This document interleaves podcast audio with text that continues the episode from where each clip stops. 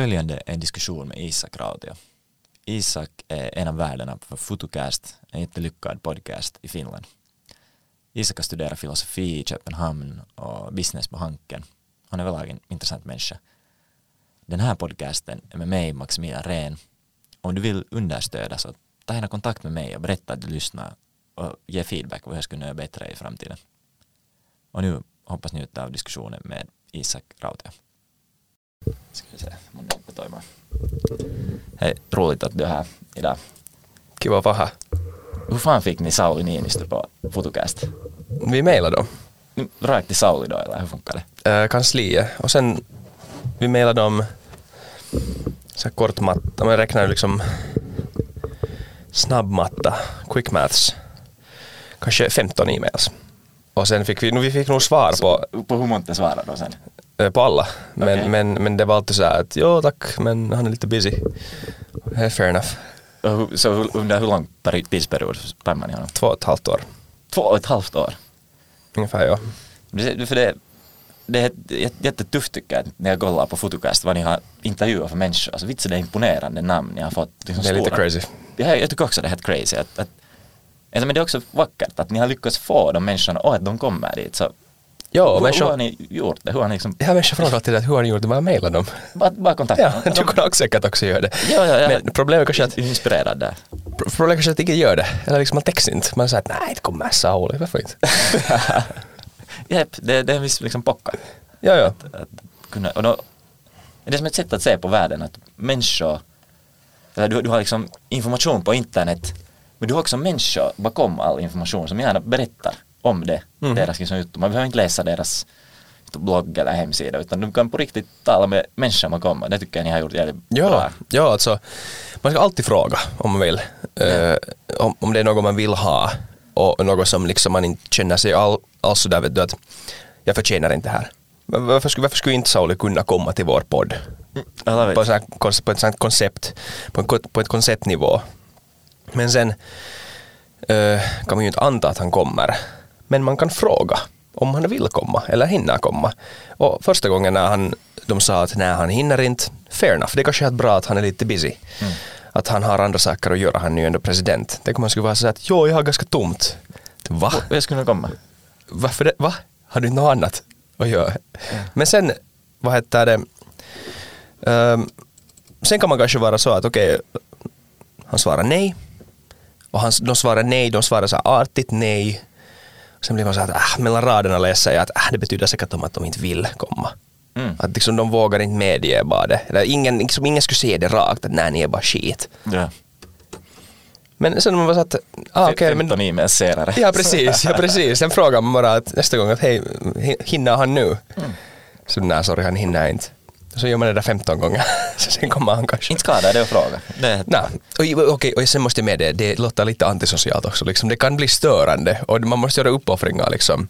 Och man, man, det kan kännas o, eh, socialt obekvämt för gro, på, liksom på av go, eh, goda grunder. Eh, liksom, vad ska vara ett bra exempel? Det att du går och rycker någon eh, typ i ärmen i, i, ett, i någon situation där han kanske inte förväntar sig det. Ja. Eller det kanske inte är helt korrekt eller förväntat. Så det kan vara lite fel. Men är det värt det? Är det värt det där misslyckandet? Det kan också, det är helt okej ibland att göra det tycker jag. på något sätt kanske det beror på vad du, vad du har för mål med att göra det. Att Mm. Försöker du bara lyfta upp liksom, dig själv eller har du någon agenda där som är admirable? Ja. Då tycker jag det är okej. Och Det liksom leder mig till frågan att vad inspirerar dig, eller du och din partner in crime, att vad, vad fick er att starta Fotocast i början? Vad var er agenda, Jag blir vision? jät- jätterik. Cash money. Bara, bara pengar. nej, nej. Um, Men det är ju en del säkert, men no, nej, nej. inte blir man rik på. Men Att, göra- eller man kan. Man kan bli rik på att göra podcast. om men du, det om måste du blir Joe Rogan så Ja, en promille. Ja, precis. Ja, inte blir man i Finland på det sättet. Ehm, jag tror inte någon har blivit rik på det. Nej. Nej. Men, men eh, no okej, om vi nu talar, vi kanske talar om pengarna senare, men, liksom, men det, är helt, det är lönsamt nu för tiden att göra det, vilket är nice. Och det räcker, liksom. det, det gör det redan eh, dubbelt mer värt än det var förr. För att förr var det värt det på grund av den här som jag nu kommer att ge svar till, att varför motivera eller inspirera mig att göra det, börja med den. Yep. Men det är ändå varje gång en sån här att okej, nu, nu, nu donerar jag tid till det här projektet som jag älskar. Men man känner sig ändå lite sådär att man, jag kunde göra något annat. Vet du? Något lönsamt och vuxet. Men, men man ska döda den här instinkten om, man, om det finns något man älskar. Men det var, vad skulle, vad skulle ni säga, vad var det? Um, uh, det, beror på, det beror väl på hur långt tillbaka man drar den där timelinen. Så här personligt i varje fall. Mer konkret skulle jag kanske säga att det började uh, då när jag själv började lyssna på poddar. Mm. Och sen, uh, det kanske inte kanske den enda människan i världen som hade den här upplevelsen som att okej, okay, det här liksom, det här är nice, det här är sistigt, att det här sånt här finns inte. Yep. Uh, och, och, och varför finns sånt här inte mera? Uh, liksom, det här är helt revolutionärt på något sätt. Uh, och sen att man ville göra det själv. Uh, kanske personligheten på något sätt, min personlighet drog sig till det där formatet på något sätt. Det var något som jag tänkte att jag skulle gilla. Yeah jag hade, jag hade hållit på med stand-up före det och det fanns en slags sån här kulturell uh, overlap mellan stand-up och podcasting på den tiden. Det var, det var början av 2010. Mycket komiker. Ja, det var Joe därför Rogan och gänget. No, Joe Rogan mm, så är en av dem, ja, han är ju mycket värre nu för tiden. Han är mer podcaster än komiker. Mycket mer podcaster Ja, än komiker. ja, verkligen. Men, men förr i tiden, jag började med WTF uh, Mark Maron podcasten. Den är helt jättebra. Mark Maron är helt briljant intervjuare. Har haft alla möjliga, liksom, Rogan har också jätteimponerande gäster men Mark Maron, uh, Obama har varit där och allt sånt. Han är komiker, så här komiker, liksom jätte, du, uh, Sailor Mouth, vad heter det? Super. Uh, Skitbra podd. Vad andra poddar har du lyssnat på? Mm, de, sen så här massa sådana här comedy podcasts. Sen började jag lyssna på Dan Carlin Hardcore History, Mm, ja, jättebra. Fortfarande helt superbra. Min pappa älskar den också. Han, han vet allt om vinterkriget. Han, alltså han läser hela tiden. Han vet på riktigt lika mycket om de här grejerna som liksom professionella historiker kan jag liksom lova. Han är helt, det är helt otroligt. Det där är mina föräldrar är superskeptiska till hela podcasten. Varför ska man sitta och lyssna en, två timmar på något sånt här? Har de, har de lyssnat? Nu, den där tror jag de skulle tycka om. Jo, jo, jo, jo, han är, speciellt om de är lite his- historieintresserade. Japp, japp. De kommer att vara att varför hade jag inte en sån här lärare? Ja. ja. Och Dan Carly är ju inte en, liksom, han är så här lite pophistoriker. Men det, det, man behöver inte hoppa in i torra världen av akademin bara för att lära sig något nytt. Det finns en, en plats för liksom rigorös historisk vad heter det, undersökning och det är nice att det finns. Men det finns också narrativ som, som bör så det här upprätthållas och Det berättas. underrated sätt att lära sig någonting. Precis. Är att liksom lyssna eller tala. Mhm. vi, vi på något sätt kopplar det så mycket om man ska sitta på skolbänken eller du ska läsa en bok eller titta en video. Men det är ganska bra sätt att riktigt få rakt ur munnen på någon som talar om det som är insatt. Absolut. Men när du, liksom, vad som fick dig att börja det jag här? svarar inte alls på det. Ja, du sa det tyckte jag helt bra, du, du, det var något som du älskar att göra, sa du i förbifarten. Att, säkert något som, ja det är fint Mm. äh, sätt att sprida liksom, diskussion och sprida idéer, Ja. men också något som du tycker om att göra, alltså att tala då, tänker jag. Ja, alltså, jo, ja, alltså jag, jag är lite pretentiös ibland med de här grejerna. Att vad, vad fick mig motiverad? Och det kanske är bra att vara lite pretentiös, alltså ärligt pretentiös Mm. till sig själv. Att, att jag hade nog stora visioner och bilder om att, liksom, att det här kan vara jättestort och viktigt och att liksom, det finns något större som man på något sätt kontribuerar till här. Även om den egna kontributionen inte är så stor i början åtminstone. Men Ja. liksom att det finns något större man kontribuerar till. Eh, och, och, och sen men det, ju, det finns ju alltid den där tröskeln från idealism till att sen gör du det på riktigt sen märker du att det här är inte alls som jag tänkte mig att det här är. Eh, eh, Liksom det, här är mycket, det här är mycket svårare på sätt som jag inte ens hade eh, tänkt mig att det, det jag hade inte ens tänkt att, mig att det kan vara lätt på det här sättet och nu märker jag att det, det är svårt att göra det här. Eh, det finns eh,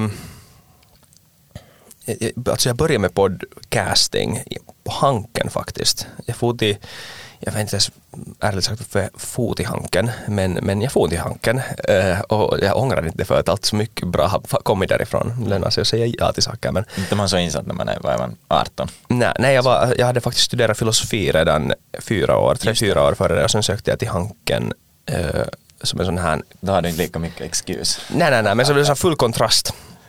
Eh, Jag ville bara lära mig lite eh, av, av den världen. Eh, Jag vill inte hoppa på en tangent för mycket på det är faktiskt en tangent, det är därför jag jag dit. Men, men jag får till, jag får till Hanken Entrepreneurship Society, Mm. som är en sån här eh, grupp för eh, entreprenöriella, kreativa Ja. människor inom Hanken. Det kändes så här det här är nice, det är bra porukka. Och, och där fast det är en möjlighet att börja med en podd, eller jag hittade på det bara, jag sa det bara att jag skulle kunna börja med en sån här podd Ja. i ert namn och, och sen, men låt mig göra vad jag vill, eh, mer eller mindre. Och det härifrån börjar liksom Fotocast episod 1. Nej, det var inte, det, Det var det, hette, annat. ja, det hette Spillover Podcast och det, det var liksom mer sådär att, att, att jag försökte bara maskera in den där, den där, jag försökte paketera det så att de skulle fatta vad det är och samtidigt göra det att låt mig bara snacka med människor om Mm. liksom vem de är och vad de gör. Hur många episoder gjorde du? Kanske nio. De är helt okej, de finns Så kanske Det är någonstans säkert ännu. jättebra lärningsupplevelse. Ja, ja, ja de, de var helt okej. Det, fanns- och det var helt bra gäster. Det var André Wikström var första gästen. Ja, honom kände jag från stand-up-dagarna. Han kom helt gärna dit. Roligt. Sen var det Mikko Koskinen som är eh, också s- ex stand-up typ, men han var han, ehm, det här, um, vad var han nu igen? Så här mar- marknadsföringschef för Kyrö, eh, de här ginierna. Eh, Sen har vi Alf Rehn, professorn.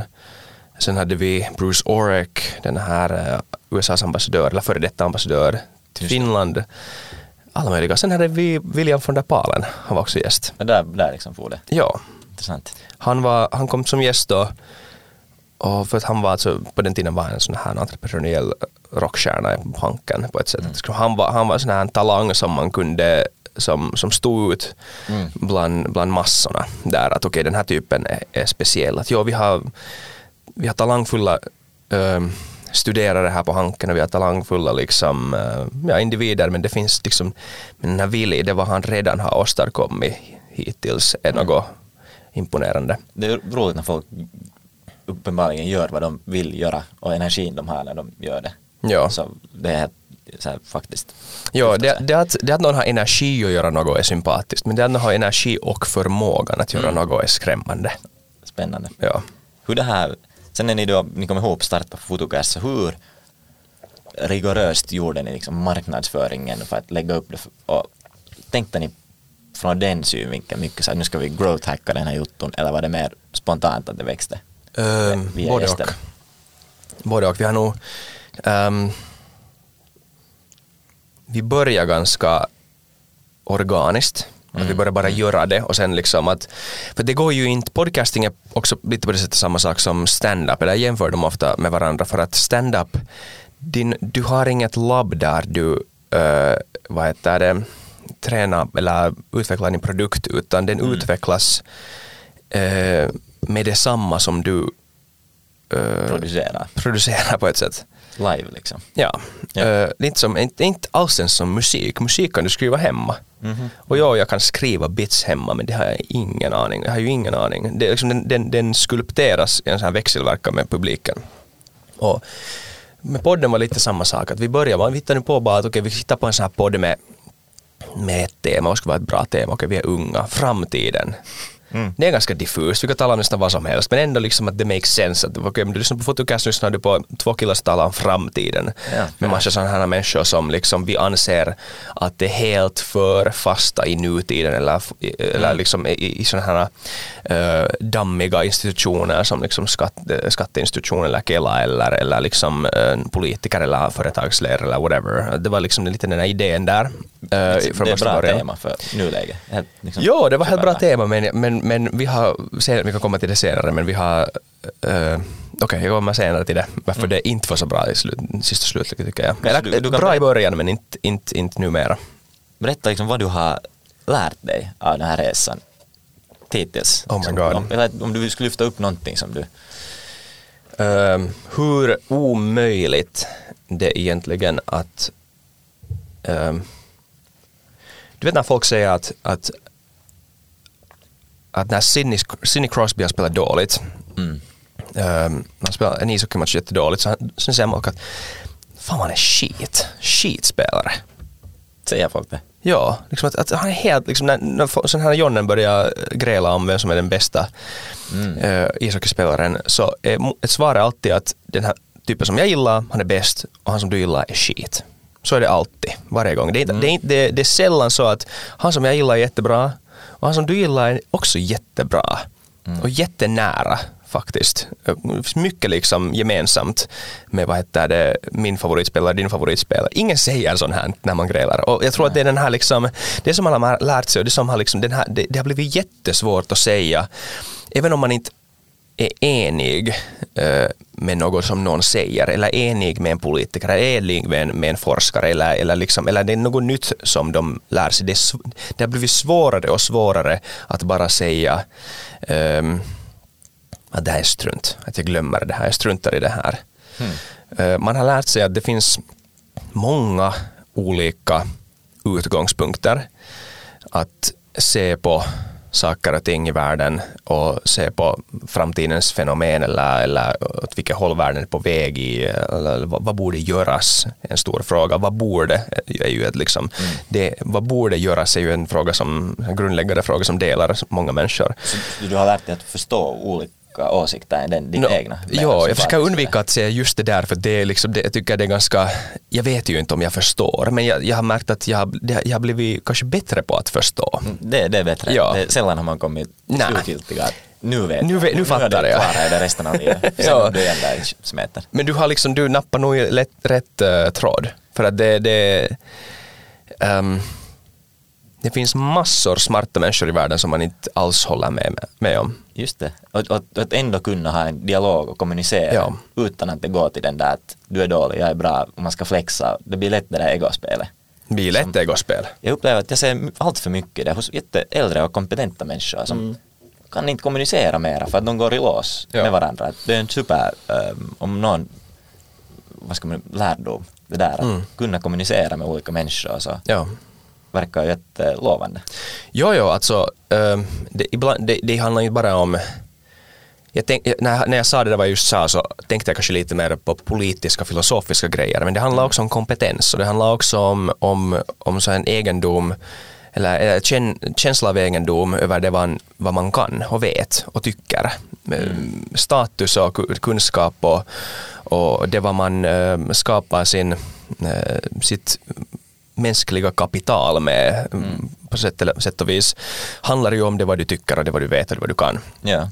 Och om det ifrågasätts av en annan människa eller av ett nytt paradigm eller något dylikt så det, det är ju inte bara som en sån här intellekt, intellektuell övning till den här människan att okej nu ska jag bara uppdatera vem jag är och vad jag tycker utan det är Nej. ju liksom det är ju vem man är och det kan kännas jättehotande. Verkligen. Ja. Jag brukar tycka att vi är, vi är djur först och sen rationella, intelligenta varelser Ja. Mm. sekundärt. Att när någon ifrågasätter dig så det första som reagerar är ofta Limbiska systemet, Ja, ja. det är känslor och det är allt det här. Du, det Ja. så här, riktigt att fuck you, att jag vill inte lyssna på det här alls vad du säger. Mm. Sen går du hem och kramar flickvännen och du sover på saken och sen kanske det här rationella varelsen kommer och okej, vi- kanske jag ska uppdatera min modell. Ja, System 1, System 2 också. Det här Daniel Kahneman, att Ja. snabba hjärnan, långsamma hjärnan. Ja. Vi försöker bara spara energi och det, det, det är helt okej. Liksom, tänk på konsekvenserna. Tänk att allt det du har arbetat till eh, störtas nu ner av en sån här ny eh, forskningslinje eller en ny teknologi eller en ny Ja. slags, eh, vad som helst. Så, ny på ideologi. Ja, ja, så det, vem är du med sen efter det? Me- Medan, medan liksom, vi talar om, eh, jag, jag, liksom, jag jag är jättevetenskaps, eh, eh, vad är motsatsen till fientlig? Alltså, jag är Vänlig. mycket vänlig. Ja, jag är mycket, alltså vetenskap är ju bra. Vetenskapliga processen handlar ju om falsifiering. Den, den, den baserar sig ju på falsifiering. Uppdatera Ja. din modell Precis. bevis. Och den här liksom rationalistiska eh, andan bakom där är att man ska hela tiden konstant, kontinuerligt eh, inställa sig eh, neutralt till vad som kan vara sanning. Mm. Eh, och det är liksom de metoden som påvisar eller falsifierar olika teorier eventuellt. Mm. Men men människan är ju inte sån som du sa. Att det, är ju inte, liksom, det handlar inte bara om att ha rätt alltid, utan det handlar om mycket annat. Eller det att har du rätt eller har du fel har konsekvenser. Det är inte gratis att ha fel. Näpp. Även om det känns exakt likadant att ha rätt och ha fel förrän man, det blir avslöjat igen. Är det så? Ja, före du får sen Ja, det känns helt likadant. Eller har du, finns det något som du tycker att du har fel i? Som du nu just tycker? Eller har du rätt, om man ska fråga, har du rätt i allt vad du tycker? Jag tycker absolut jag har rätt i allt vad jag tycker. Man vill tänka så att jag har uppdaterat min modell så att jag tycker att jag har rätt. Om jag mär- märker att jag har något fel Mm. i någonting så uppdaterar jag modellen. Men säkert är det någon läge där att jag kan hålla en åsikt som Absolut. jag på något plan vet att det är fel men jag håller i den lite för, för det är nu olika av orsaker. Ab- Helt rätt. Och det, det, det är lite... eh, det låter ju lite motstridigt. Att kan du samtidigt tycka, samtidigt tycka att du har rätt i allt, eh, eller åtminstone så att du inte har fel om något, Mm. men samtidigt medge att okay, det kanske finns någon lag någonstans, eller kanske finns någon, någon, någon område som jag inte har undersökt tillräckligt noga. Eh, jag tycker samma. Jag tycker att jag absolut, i allt vad jag medvetet tycker så har jag rätt i. Varför skulle jag tycka något som jag har fel i?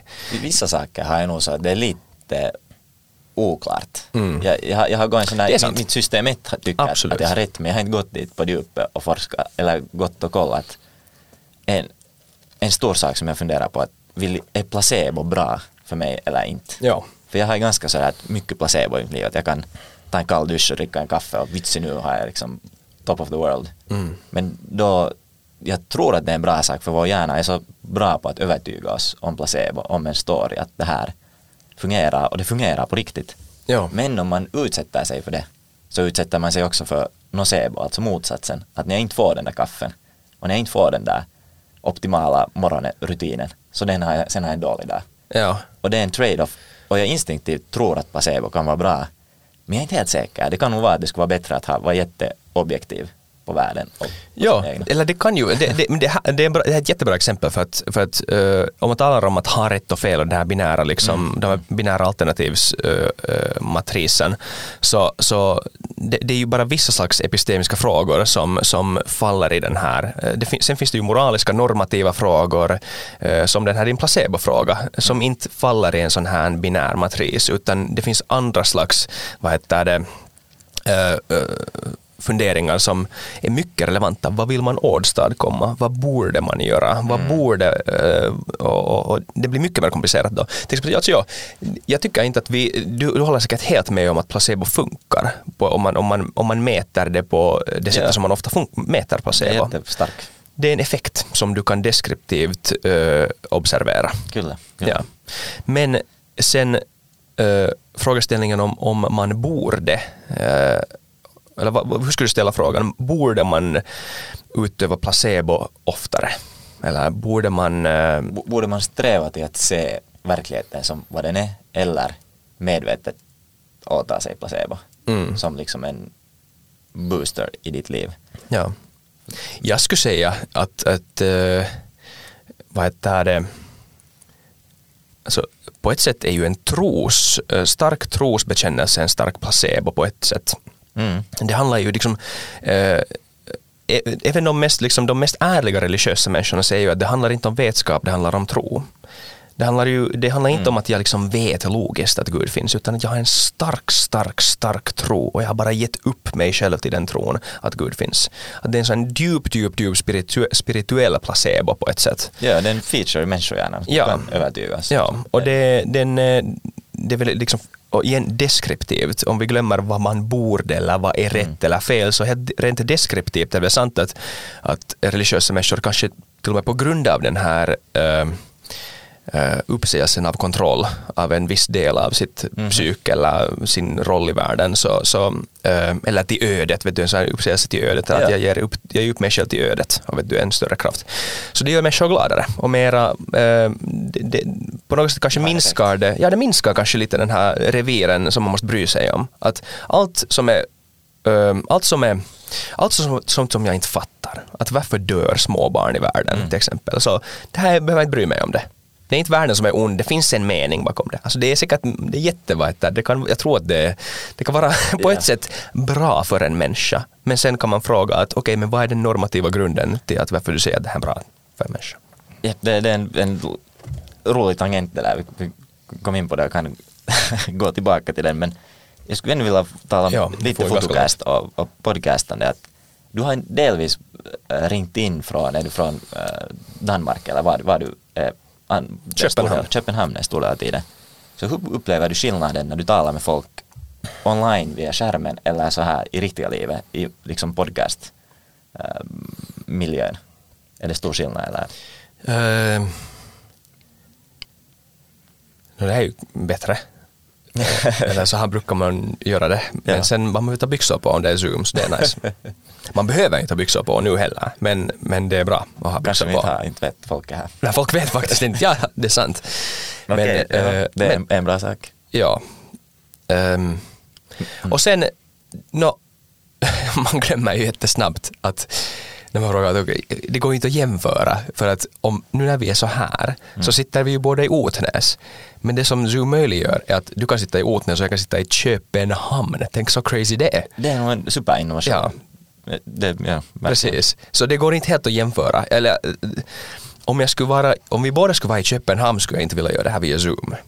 Men, men det, den där kostnaden som eh, Zoom eh, sätter på själva konversationen eller liksom den, den, det, det priset man måste betala när det kommer till eh, latency och vad heter det, bara genuinhet eller vad man nu kan kalla det här. Liksom, bara du är här och jag är här. Ja. Um, så, så det är helt okej, come on, det är helt okej. Liksom, hoppas det blir bättre i framtiden men det är helt okej. Jag, är- jag är glad att jag kan göra podden från Danmark.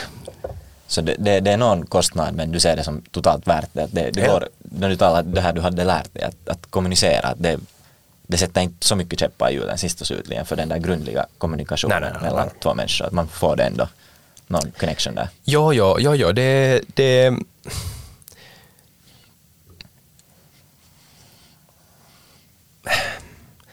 Informationen går ju jättelätt att eh, förmedla via Zoom. Om du vill bara förmedla information. Det, det är inga problem. Men, men ja, sen den där, den där diffusa 80 procent eller vad det nu sen är som man brukar säga att icke-verbal kommunikation. Så man, jag vet inte exakt hur mycket av den försvinner.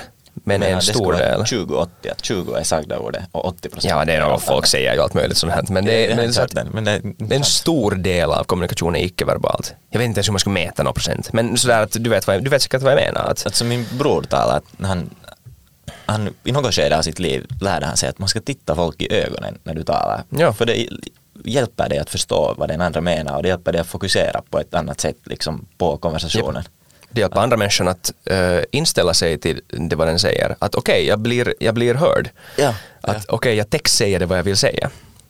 Ja. Och sen är det kanske fa- lut- luta lite in och bara ja. Ja, det hjälper också. Ja, lite överivrigt. Nej, det ska vara Det, överivrigt. men det är sådana undermedvetna strategier som vi använder för att kommunicera bättre. Det stämmer. Och Ja. Det är roligt att höra för att du, du har så rätt att det är en jättestor värld där ute med människor du kan tala med. Ja. Men om, om man begränsar sig till att bara träffas i Otnäs eller i Köpenhamn så då tar du ner på listan som orkar komma och tala med dig. Jämfört med om du öppnar upp att hej, vi kan tala med vem som helst på hela världen. Ja, precis. Alltså, vi har talat med, vet du vem, eh, du vet kanske inte vem det är, men, men Adam Grant, han är så här en organizational psykolog från eh, Wharton School of Economics. Um, man skrivit några så här bestsellerböcker. Uh, Stor, stort namn. Liksom, vi talar snackar på riktigt New York Times bestseller, uh, typ. Eh, han kom via Zoom. Japp.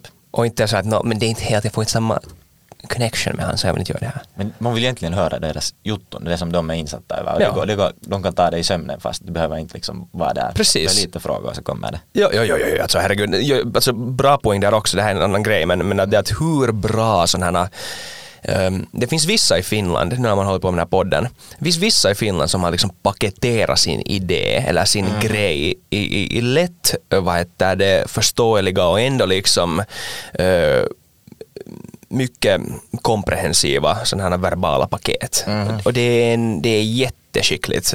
Vissa är jätteskickliga på det.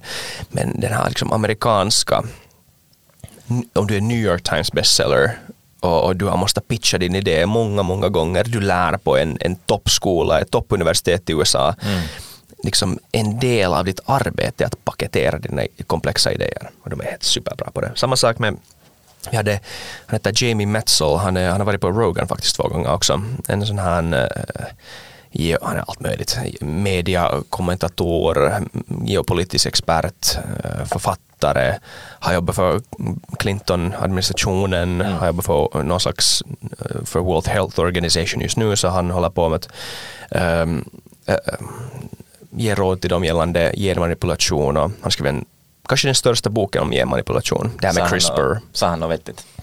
Sa massor vettigt. Mm. Och där ser man, vad än du frågar, Mm. så vet han liksom exakt vad det handlar om. Jag, jag, tror det har att göra med att hur mycket tid spenderar folk att tänka på de där sakerna. Mm -hmm. Att du, om du hela tiden tänker på dem också fast du inte talar om det så du behöver inte ha exakt rad för rad vad du ska säga utan det kommer som mm. rullande rinnande vatten. Jag skulle tillägga det att man ska säga det vad man tänker, för att ofta tänker man att man tror att man tänker i meningar, men om man inte på riktigt inte, alla tänker inte i meningar. Mm. Jag tänker inte i meningar. Hur tänker du? Jag tänker i koncept. Eh, eller liksom, eh, och, och jag, jag, kan verbalisera koncept eh, i huvudet, men det är mer, det är inte tredimensionellt. Jag är ganska dålig, då, dålig på att... Okej, okay, vi har liknande. Ja. Jag tror vi är samma. Men, men, men det är inte, jag, jag är inte jag, jag, det är inte direkt verbalt, för jag känner folk som uh, kan bara tänka i text. Mm. Och, det, och det, gör de inte, de, det gör de inte dummare. Ibland gör de jätteskickliga talare. Uh, det gör de till jätteskickliga talare ibland. Men, uh, men jag är inte sån. Och därför har jag märkt att det hjälper att, att, uh, att säga högt. För att sen märker man att okej, okay, det där var inte en full mening i mitt huvud. Det var inte mm. den tanken, den här tanken förbinder sig inte till någon tanke på ett så naturligt sätt som jag trodde att det gjorde i hjärnan. Ja, alltså ett sätt att se det att varje gång du säger någonting i ord så spjälkar du upp verkligheten eller ditt intryck som du sa. Ja. Du spjälkar upp det i Jag sa inte det, men det var bra sagt. Mindre bitar. Vad ja. beskrev du? du får, nej, nej, men säg det där, det var bättre. Att, nej, du, du spjälkar upp verkligheten i, i små bitar och det hel, helheten alltid mera än de här bitarna vi använder som är ord. Mm. Jo, jo, jo. jo. Så, så alltid när vi använder en, en modell eller ord eller vad som helst så vad vi gör är att vi försöker paketera hela det här intrycket som är vår verklighet. Absolut. Inte ett komprimerat sak så det, det är aldrig lika bra som den här modellen som ja, är verklighet. Alltså det här, det här är Ludwig Wittgensteins argument, eller liksom grunden till hans argument varför filosofi är helt strunt. Han är en av de största filosoferna från 1900-talet. mycket strunt i filosofi. Ja, ja, men det är liksom det här, hans grundläggande argument att hela liksom konceptet att hålla på med filosofi är bara strunt. Mm. Att om, om, om, om, och han var en av de största filosoferna på 1900-talet, så vad, mm. vad säger jag det om? men, äh, liksom helt supersnille. Men liksom, ja, just precis det här att vi har tankar och, och alltså vår förståelse om världen skapas äh, till oss själva i form av uh, sådana här eller hur vi kommunicerar dem. Så vi, vi paketerar koncept i ord, men, men ordets, uh, ordet kan aldrig bära så mycket data uh, eller så mm. mycket mm. vetskap om det här konceptet som du har paketerat in i det. Och det förmedlas all, aldrig som sådan till den nästa människan. Det var ganska data scientist formulation, men det är ungefär så han liksom sa det. Just det, jag har försökt kolla in på Wittgenstein, jag har inte läst alls mycket av det, men vad kom han fram till sen sist. Han försökte hitta att vad är begränsningen av, eller hur långt kan vi komma med ordet? Ja. Vad kom han fram till? Jag vet, vet du? Jag är inte säker. Så. Uh, no, in... vad, vad var hans slutsats? Den är säkert komplex men... Uh, alltså ah, den här traktatus. Uh, Går det att förklara den som en femåring? Uh, no, nej, inte helt jag kan, jag kan inte. nej, den är, det är en jättekomplex bok. Um, vad heter det? Um, Ja, men han var nog jättehopplös eh, om, om det är att, att det, det finns mycket smarta tankar om det här att hur liksom, när du har en, att hur förstår vi världen? Och, och, och att, att, vi, att vår hjärna skapar bilder åt oss om världen i vårt huvud som är eh, någon slags simulakra. Han använder alltså inte ordet simulakra men som motsvariga eh, idéer. Men att, men att hans grundläggande koncept är kanske det som jag redan sa att filosofi i grund och botten är du spjälkar upp den riktiga saken till någonting som inte är lika bra som den riktiga Ja, precis. Ja. ja. ja det, det, är en bra poäng och det, det, det connectar till att man lyssnar allt för mycket på andra, andras ord. Men istället för att själv försöka hitta den, titta på det uh, horses mouth, liksom, verkligheten. Ja, och det, det vad heter det, eh, man, kan ju, man kan ju hålla med om vad han säger, men, men inte hålla med om vad, vad hans slutsats är. Liksom där kommer skillnaden mellan det deskriptiva och det preskriptiva. Det går inte att hoppa från att göra ett direkt hopp från att något är som sådant till att något borde vara eh, sådant. Det är alltid ett normativt hopp du gör. Till exempel om du säger att okej, okay, filosofi eh, eh, utövas med ord. Mm. Men ord kan aldrig beskriva verkligheten eh, till sin fulla kapacitet. Ja. Därför borde vi inte hålla på med filosofi.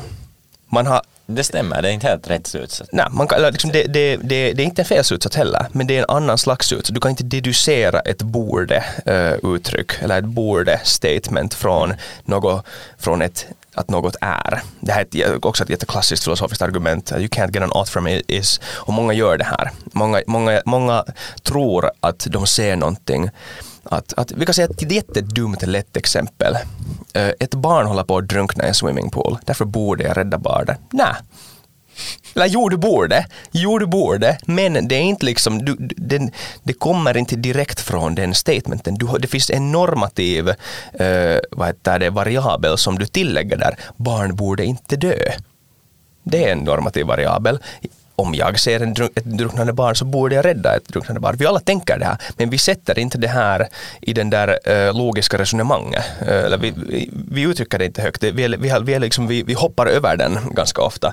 Och i ett sådant lätt exempel är det ju liksom, man märker ju genast varför man borde, eller mm. varför det, bra, varför det finns bra argument för att man borde rädda ett drunknande barn. Såklart, liksom, varför inte, abs, mm. absolut.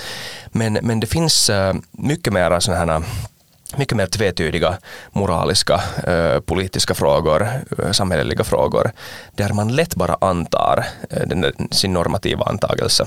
Man, vi borde vara mer öppna om det tycker jag. Liksom ifrågaställa varför ska vi göra det här egentligen? Och försöka precis. hitta grundorsaken. Det, det precis, precis. Hitta kausaliteten.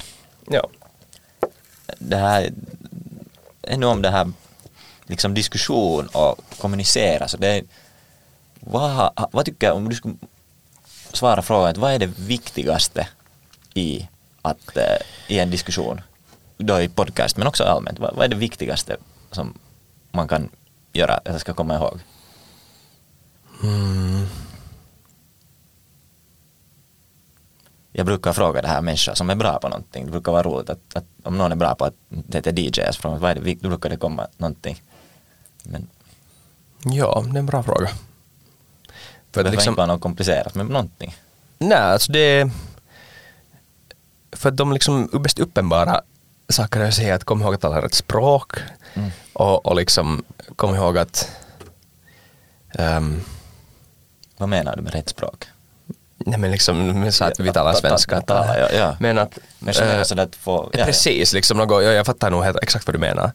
Um, no, våga bjuda på dig själv. Ehm, det är ofta man det är ofta man kanske känner sig lite um, begränsad av sig själv. Uh, det kan vara micken som gör det mm. och det kan vara situationen som gör det. Men, men att lära sig den förmågan att bara uh, låta tankarna flöda på ett sätt som man kanske ibland märker när man inte är i en sån high pressure situation. Just det. Uh, det är ju en kunskap, men det är, man ska våga mocka. Man ska kunna våga låta dum. Mm. Och sen kunna vara helt okej okay med det. Att hej, jag lät ganska dum där just. Man behöver inte säga det. Man säger att okej, okay, vi går vidare. Um, och såklart det är viktigt, att jag kollar just nu, jag kollar inte just i ögonen, men det är också viktigt. Mm. Um, den där första du sa tycker jag är faktiskt superpoäng. Att våga. Ja. Att, att, eller kanske sådär, någon beskriver det som att det finns en sån här axis som vi rör på. Var ena sidan är att du är utforskarmode och du är öppen och du är proaktiv och du har energi. Men andra sidan du är i så här defensiv mode. Mm. du är rädd att förlora eller det är statusutbyte eller det och man vill röra sig så mycket som möjligt i den där kreativa moden. Mm. Och för att göra det så måste du inte vara rädd för att misslyckas. Det, misslyckas. Det är kanske ett sätt att säga på det men det var något jättebra där att kanske leka och vara öppen och inte.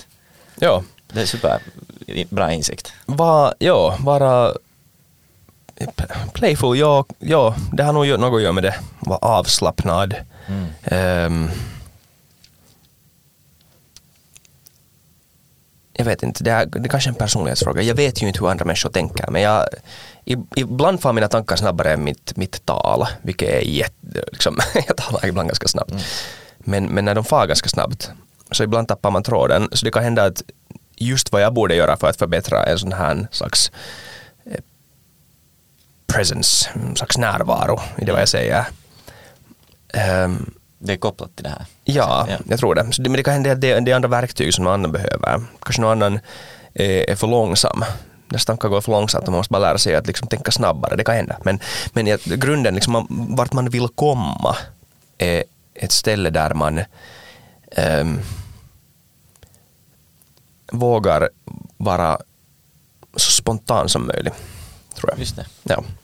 Det är bra att du sa närvaro där, för ofta tror jag det går så att det kommer den här, man har nu en, det, det det som är du är uppbyggt av tusen röster som försöker, Mm. så ibland så kommer den här rösten och säger att fan sa du just det, det var liksom Ja, sakta. men jättedumt det. Om du är närvarande så kan du märka det och säga att okej nu sa du vi går vidare. Mm. Men om du inte är närvarande så plötsligt börjar det spinna, man börjar bygga på en negativ spiral av Mhm. den saken. Mhm. Och då blir det inte, Det händer, ofta, det händer fortfarande ibland. ja, det är liksom mänskligt att de kommer. Ibland, när jag, ibland om jag äh, säger ett ord fel.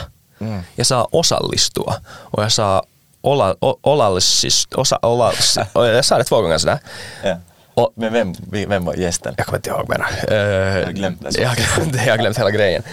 Så det fick mig sen bara så några sekunder, kanske en sekund, att, att du måste nu sluta, nu sluta med den här podden nu. Där i stunden. Det här är nu, ja, det här är inte mer, funkar inte mer. På paus vi, Ja. vi, det, det tar Tack slut. lyssnare, det var en bra treårs run med den här podden. Men nu måste vi sluta. Jag kan inte det här mera. Japp. Och sen efter sen var det så att Fan, du sa ett ord fel, säg nu det rätt och sen fortsätt. Sånt hänt. Ja. Man gör ju lätt saker större än vad de kanske borde vara. Jo, jo, absolut. Mm. Saker är ju aldrig större eller mindre än den stunden de händer i. Så. Japp. Och sen, mm, sant, det, det var det som nu är. Ja. Har du annars något, eller går ni enligt ett, har ni liksom några favoritfrågor att ställa som ofta leder till intressanta tankespår hos människor? Är det något som, som en gemensam nämnare över podcasterna? Har ni hittat något Jättebra sånt? fråga. Um. Nå, alla vill tala om det vad de tycker om att tala. Det finns en orsak till att de har blivit det vad de har blivit, våra gäster alltså. Mm. Inte någon annan. Nej, precis. Och, och det, det så som utgångspunkt är det sällan, in, jag, säger, jag säger inte aldrig, men det är sällan svårt att eh, få dem att vara tysta om något. Liksom. Mm. Det, det, det är sällan en utmaning att få dem att säga något Mm. om det vad de vet. Och de är jättebra på att, och sen finns det liksom nivåer, det finns nivåer.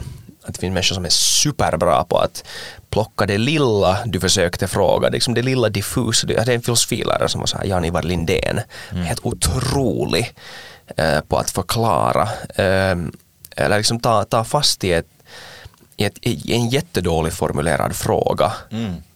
Och liksom hitta den där, okej, okay, massa ord där, men det finns en, ena lilla liksom, frågeställningen som jag märker att det där, där, där och sen, sen bygger man ett, liksom, en stor, liksom, en, en mycket större helhet än den här frågan kunde ha uh, förväntat sig. Mm. Eh, helt briljant eh, på det, på att göra det. Alltså, Jan-Ivar Lindé från Helsingfors universitet. Eh, men eh, och, sen, och samma sak med poddgäster, att, att vissa är jättebra på att svara, vissa är lite Ibland måste du vägleda, ibland så vägleder de själv för de vet Ja. vad det intressanta guld är. Ja. Titta. Och desto mer jag babblar så desto längre bort var jag från din ursprungliga fråga. Du ställde att vad det Vad är, har, har ni några sådana här liksom, go-to-frågor som Nej. brukar vara bra sätt att vissa har sådana här, de frågar alltid samma sak. Att, skulle du ge någon advice till 20-åringar eller skulle du, vad är meningen med livet och sådana här så- typs frågor. Men nej, inte. Nå, ehm, kan liksom, det, finns, det finns två frågor i den där ena frågan. Liksom, jag delar den här frågan i två frågor. Eh, har vi några go-to-frågor som vi skriver i förväg? Nej, eller ja, men det är inte, liksom, jättesällan så har vi något att okej, okay, de här ska vi fråga, utan det är, mm. det är ganska ofta så att vi har en bakgrunds, sån här alltså, ett dokument med några frågor och teman och så här och sen det är bakgrunden så att vi vet ungefär vad utgångspunkten är och sen snackar vi bara. Mm. Men sen sån här det är, så, det är en intressant så här post-hoc-fråga att finns det något, har det uppkommit något mönster i det vi frågar som är, eh, där, det, där det uppstår någon slags regelbundenhet som vi kanske inte har märkt. Mm. Uh, Sannolikt har ni byggt något ja. mönster liksom, i era neurala nätverk. Ja, precis. Och det, det, det, är den frågan som har fått mig att bli lite tyst här just nu. För att jag har funderat på det. Och men jag, jag kommer inte på några specifika frågor. Men... Ganska roligt egentligen att ni går ja. med den inläggningen. Att, att nu ska vi riffa på det här. Mm. Vi har inte en struktur utan vi går dit vart det är intressant att gå. Ja. Och litar på att det leder. Ja, det, jag tror det är någon slags självsäkerhet i det vad vi håller på med. Det är bra. inte. Det, det är som att du inte, inte går man och talar med människor i vardagen så att du har allt förberett, du vet exakt vad det kommer. Nej. Det är inte så. Det är jättesällan så. Ibland är det bra att göra så. Och nu, liksom jag, det, finns, det finns gånger när jag läser en hel bok för ett avsnitt. Ja. Och liksom, det är inte som att jag inte uh, uh, gör mig färdig på något sätt. Eller för, för, för, vad heter det, herregud, vad heter min svenska, vad är, vad är att förbereda mig. Mm. Det är inte som att jag inte förbereder mig. Men men själva snacket behöver inte äh, skriptas på något sätt.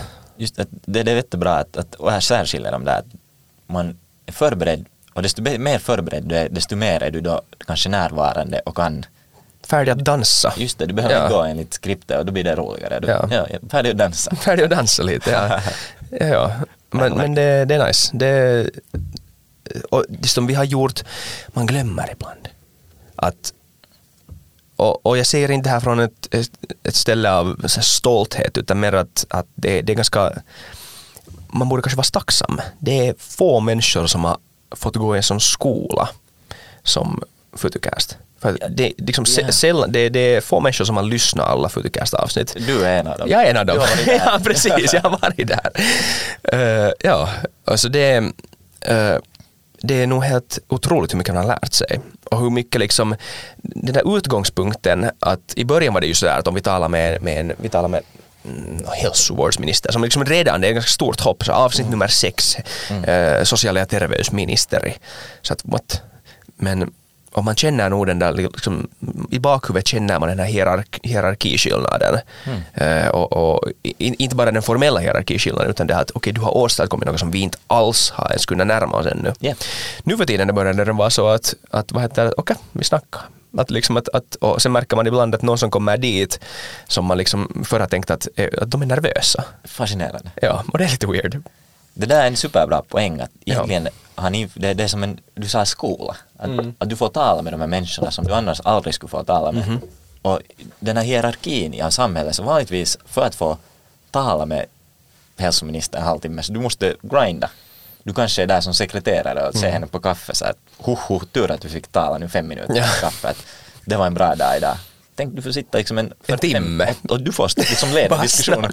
Det är ju den sådär eh, sneakist stor nytta med det här är inte att eh, andra får lyssna på det utan att du får lära dig. Jo, jo, jo. jo. jättestor Jag är helt öppen om att liksom Futucast till en stor del ett sånt e-, egoistiskt projekt för att, för att liksom jag har bara märkt att jag har en möjlighet att lära mig här massa. It's a pleasure att andra får lyssna på det. Yep, win, win. Win-win, ja absolut. Ja, ja, absolut. Ja, ja, men alltså ja, ja, det, det är jätte...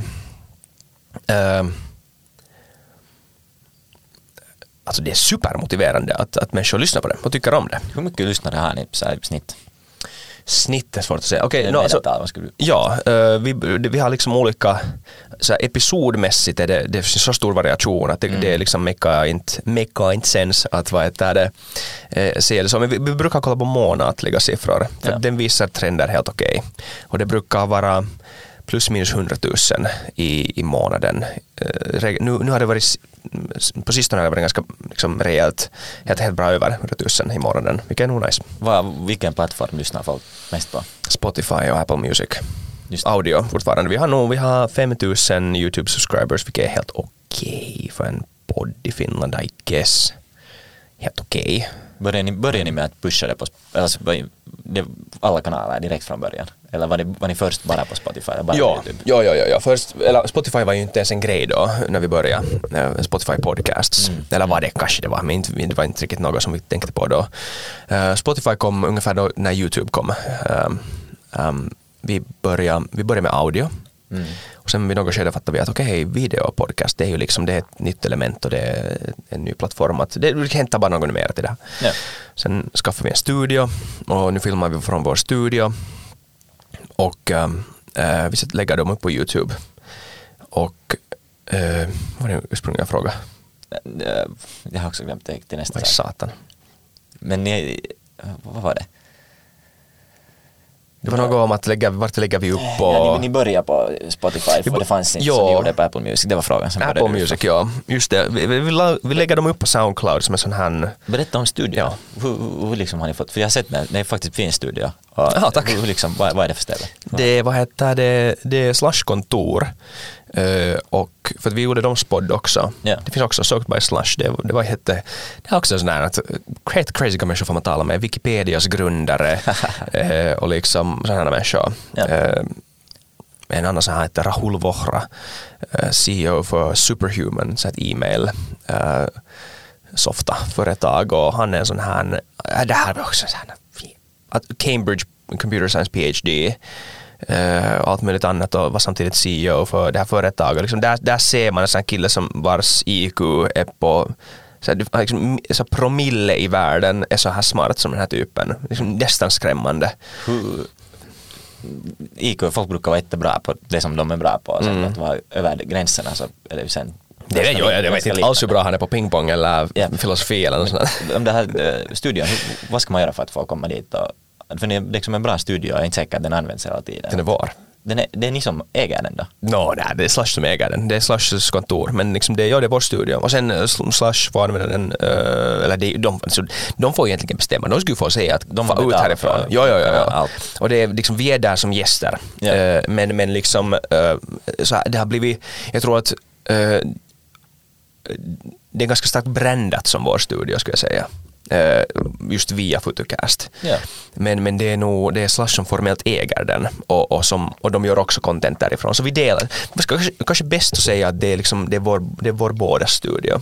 Bra. Ja. Jag frågar för att jag, jag har bara- använt Altas studio ännu bara ett halvt år. Och sen är jag utkastad. jag ska fan någon annanstans. ja, det är svårt. Det med studion är svårt. Så jag känner, eh, jag håller på med en annan podd nu som inte ännu har blivit releasad men Mm. Men så här, typ som heter Klaus Hietala. Han äger en studio i Töle, förr var den i Rödberget. Eh, Crash OY. En Finlands bästa studio. Det är helt fantastiskt nice ställe och, liksom, och Crash eh, det är alltid, de har alltid roligt med dem. Oberoende vem man är eh, så du har roligt med Klaus de är professionella, de är jävligt bra. Det, är- det, det är nog dyrt, jag vet inte om det är, det är, liksom, det, det är helt, då måste man vara proffsig. Liksom, de gör sådana produktioner som säljs till Yle och, och sånt här, så det är inte, eh, men vem vet. Ja, Kanske. kanske. Vad, vad är det för podd? Har du delat med vad det kommer att handla om? Mm, ja, eller det är, eh, Klaus är en intressant figur. Han är sån här um, studerar är det sociologi Helsingfors, på Helsingfors universitet. Har alltid varit jätteföretagar aktiv och, och alltid varit intresserad av företagande. Han var, kommer inte ihåg om han var chef, men han var någon slags head honcho på Helsinki Think Company som är Helsing, Helsingfors universitets egna entrepreneurship society. Här har ni ju Aalto ES eh, som är liksom jag vet inte om ni fattar hur stort det är. Liksom i Danmark, eh, de har liksom, Copenhagen Business School har sin egna lilla entreprenöriella grej och när de fick höra att jag är från Ankenes och jag känner folk från Start Helsinki och Aalto ES, Ja. så de var så att va? Känner du dem? Jag har varit där en gång och talat med dem. Det, var, det, de, de, de, är en helt massiv grej. Helsingfors startup-scenen har varit helt superstor. Ja, ja, speciellt den här 10-15 studentdrivna. Ja, liksom, och det är studeranden själv som ser på det så här att liksom, är det möjligt att vi kan göra så här, något så där stort? Riktigt. Ja, ja, det, det, det var en överraskning till mig också. Jag hade ingen aning. Men okej, Sverige har väl ganska bra också, men Danmark, Danmark har ju haft de, de, de har så långa, jag tror det är för att de har så långa borgerliga traditioner när det kommer till liksom äh, äh, handelshögskolor och med så här borgerliga yrken. Att den här traditionen, de, de har en för lång legacy för att det skulle, på en sån här disruptiv startup-scene ska kunna dyka upp. I Finland har vi ju liksom, vi behöver en ny Nokia och, och vi behöver ny industri och vet du, innovation och bla bla bla. Så kulturen var, sökte något sånt här. Medan i Danmark så det finns redan en sorts liksom stark ekonomisk, borgerlig ekonomisk grund att, att, att sådana här, såna här disruptiva eh, kreativa klassens eh, säten eh, har inte hittat fotfäste på samma sätt. Men nu börjar det också där. Det, det är superfint. Mm. När samhällets hierarki, om den är för stark och har för starkt drag, så kommer alla att gå till McKinsey och de kommer att studera, de kommer att gå den där normala vägen. Mhm. Men om det är jättefint att det kan finnas andra vägar att på riktigt möjliggöra att unga människor gör saker Ja. som liksom direkt istället för att du ska göra något annat. Absolut, Men ja, båda ja. vägarna funkar. Det, Jo, jo, inget fel med något. Inget fel med, inget fel med att bli konsult om man vill det. Ja, på något sätt, vi tyckte vi har talat ganska bra nu om det här podcasten. Vi skulle lite bara allmänt om, om, om andra jutton. Absolut, vad som helst. Vad har vi snackat om hittills? Bara typ fotocast och några intressanta tangents. Hur lång är den här? En timme kanske. Aha, okej, ja, ja, ja, no worries. Jag funderar, BI, är det någonting som du håller på mycket med? Uh, nej, inte mera. Eller jag, har, jag skadade min, min uh, vrist. Hand, nej, inte vrist utan handled, wrist på engelska. Ja. Ehm, och sen tog jag en paus. Men låt det gå om du inte har, du håller på mycket med det. Vad, vad har du tyckt om att Ah, studera? Ja, det är intressant. Det, om Nej. att studera i allmänhet, du är nu klar med studier. Mm. Vad, vad tyckte du om den liksom, processen, den delen av allmänna tankar? Studierna. Skulle du rekommendera? Att gå och studera Mm. i universitet eller dylikt. Jo, ja. Salle, ja. Eller liksom är det här en, ska, liksom, ska ta, uh, ska jag säga min åsikt om att tycka att det finns en överinflation av vad heter det, utbildning i världen kanske. Ja, eller liksom eh, världen ändras ju snabbt och utbildningen måste ju eh, utvecklas med den och på något sätt driva den till rätt, mot rätt håll så att inte utbildning, även då den ändras, att den inte börjar göra med fel villkor och att liksom de viktiga institutionerna blir kvar. Till exempel, många säger ju att universitet är helt onödiga nu för tiden. Det är, liksom, det är dumt att säga så för, för det första, men liksom, poängen där är kanske det att okej, de har så här dammiga institutioner som är för långsamma och för uh, unagile, det är ju favoritord för startup-folk. Ja. Och vad heter det? Och det är sant på ett sätt, ja, ja, absolut. Det, det här dammiga institutioner, mycket sant. Ja, ja, Samt- massor. Men det är också, jag tycker det, det finns ett värde till den här långsamheten som universitetet Ja, har. det ska inte gå för snabbt. Nej, absolut inte, för då tappar man det viktiga. Eller jag är rädd för att man, skulle, man tappar det viktiga. Att allt behöver inte disrupteras. Nej, det, Utan att man- förändring funkar också. Precis, liksom. men, men, men sen å andra sidan så disruption är bara ett nytt ord, eller kan vara bara ett nytt för, ord för creative destruction. Och det är ju det är en, en naturlig, eh, ett naturligt kapitalistiskt fenomen. Eller eh, inte bara ett kapitalistiskt fenomen utan ett samhälleligt fenomen. Att något nytt uppkommer och sen måste något gammalt dö. Det är livets cirkel. Ja, precis. Hur är det med, med komedi du håller på med? Är det, är det i Finland eller vad, vad har du hållit på med dem? Ja. Jag svarar faktiskt allt på din fråga. Jag kan svara lite på att det lönar sig att studera. Jag tycker det lönar sig att studera. Vad heter det? Det, det är um, alltid bra att lära sig något nytt. Och bra att lära sig något nytt med någon slags struktur som ges till dig.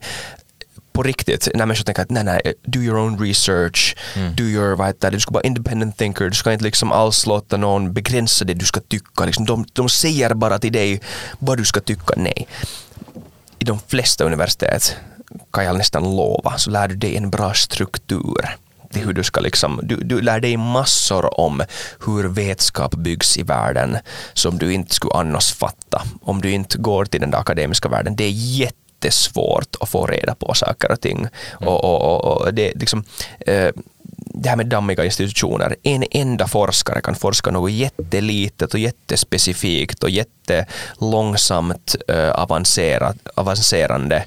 Äh, och, och, och det är så...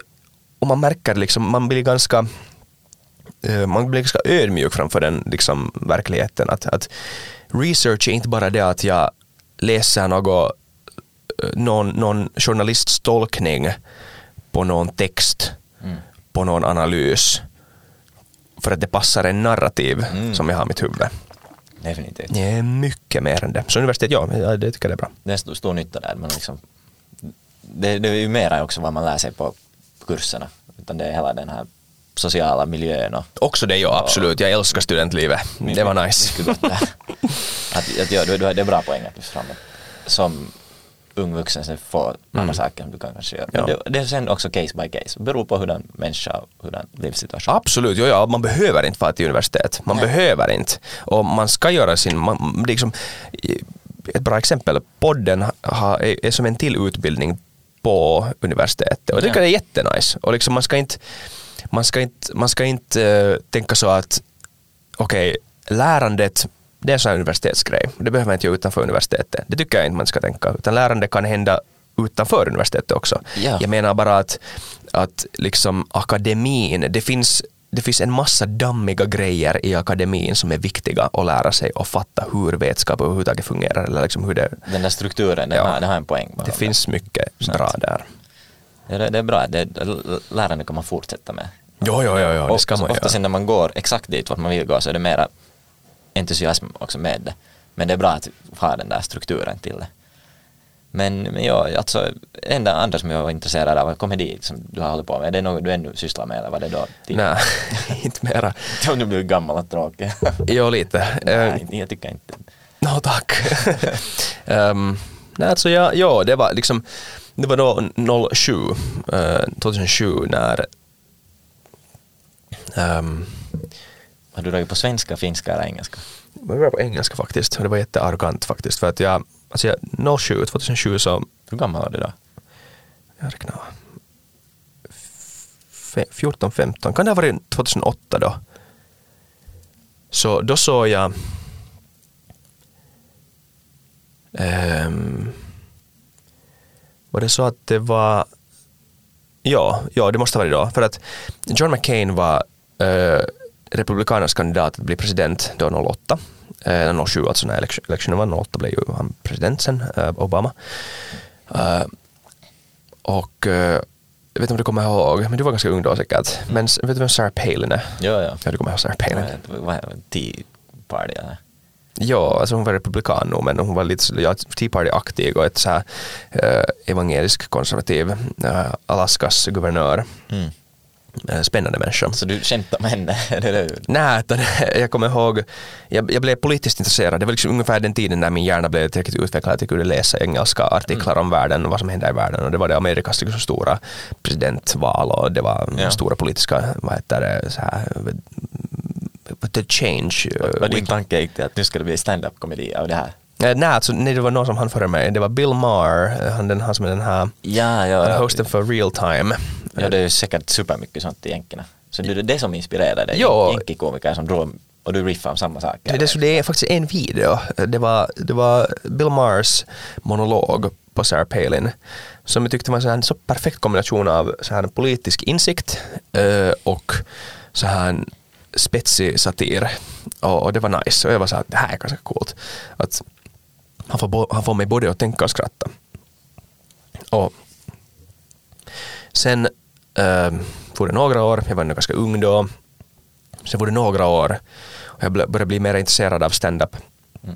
Började kolla på det mera och började undersöka det mera och uh, hitta alla möjliga. Typ. Jag hittade Bill Hicks som alla hittade i början och sen hittade jag George Carlin som alla också hittade i början och Men Sen i praktiken så gick du till Helsinki stand-up club eller hur funkar jag kontaktade uh, Louis Zezeran, alltså han, han, australiensk, han bor i Estland nu, jag vet inte hur det går med honom.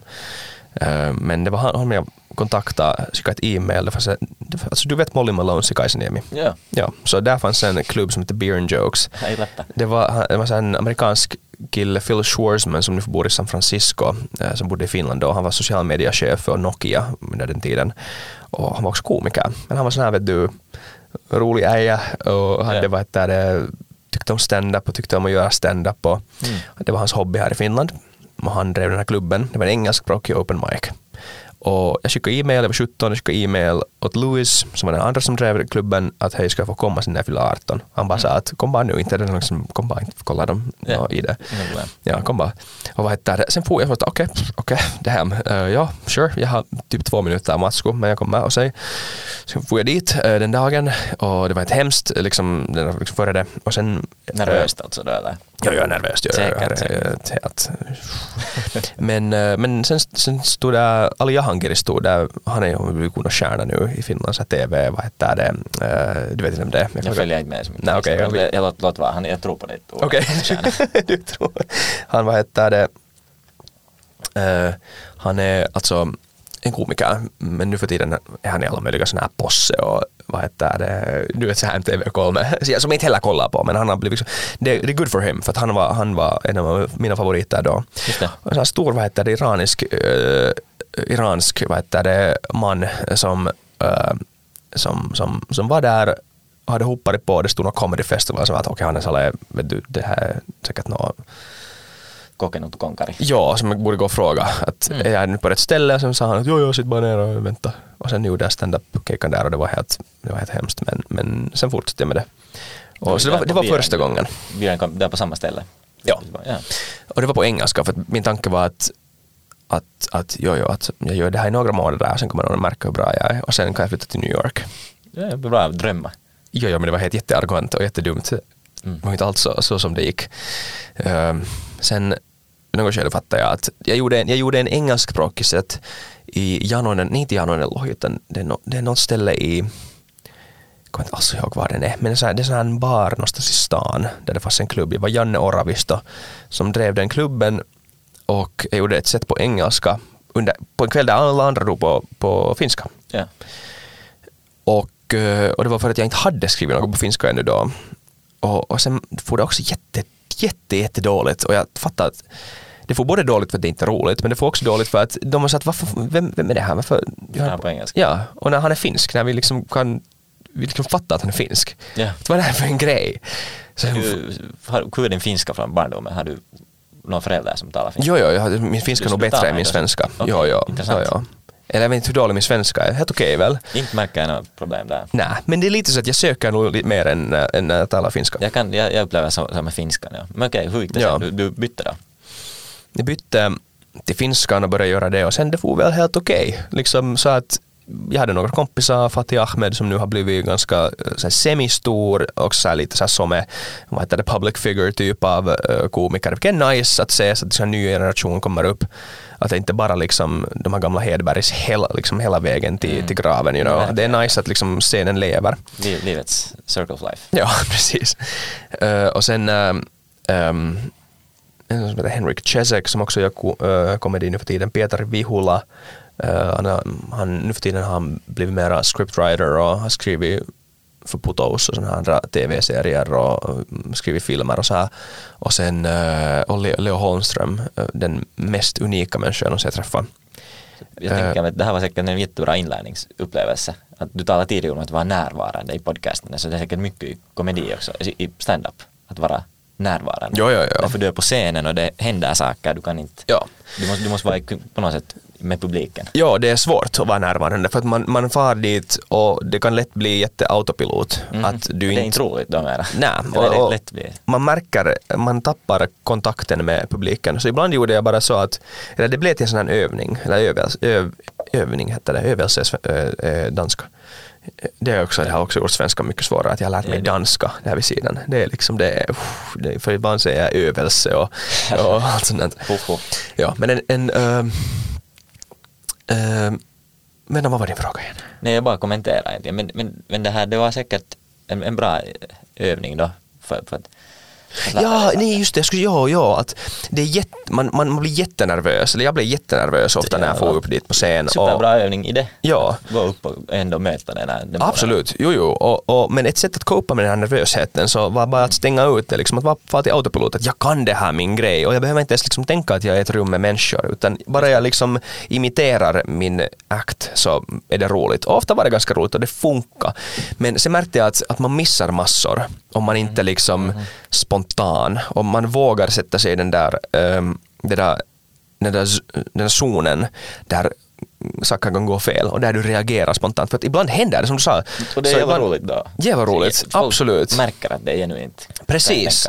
Precis, det märk, man märker att det inte bara är en, det finns mer, alltså, sen, den, sen måste jag nog säga att komiker är superskickliga, professionella komiker är superskickliga att få eh, skriptade acts, även Mhm. uppenbarligen spontana grejer att, eh, att verka spontana, även om de liksom inte är spontana. Det är liksom, de är helt superbra på det. Desto bättre förberett, desto mer spontant verkar det sen. Precis, och det är nästan otroligt, liksom, nästan så manipulativt. Att, liksom, att hur kan du vara så här bra på att ljuga? Att det här är, muka, att du, det här är liksom en unik show till er. Eh, Det, det är helt otroligt liksom, hur bra sån här um, vad heter det, uppträdningsförmåga man får via stand-up. Just det. Och det här, du fortsatte med det, men sen får du till Köpenhamn, tog det slut då? Mm, mm, nej, det tog nog, alltså, jag höll på med stand-up i var det fyra år, från 2011 till 2015. Sen, var det, sen hade jag, var jag i två universitet och hade jobb där vid sidan om Fair enough. och podden började ungefär. Så, så det, var liksom, det blev ganska busy. Jag hann inte mera sätta den energin som stand-up skulle ha förtjänat. Jag jag har en, en fråga som jag skulle vilja Ja. ställa. Vad är någonting du har lärt dig sent i ditt liv som du önskar att du skulle ha lärt dig tidigare?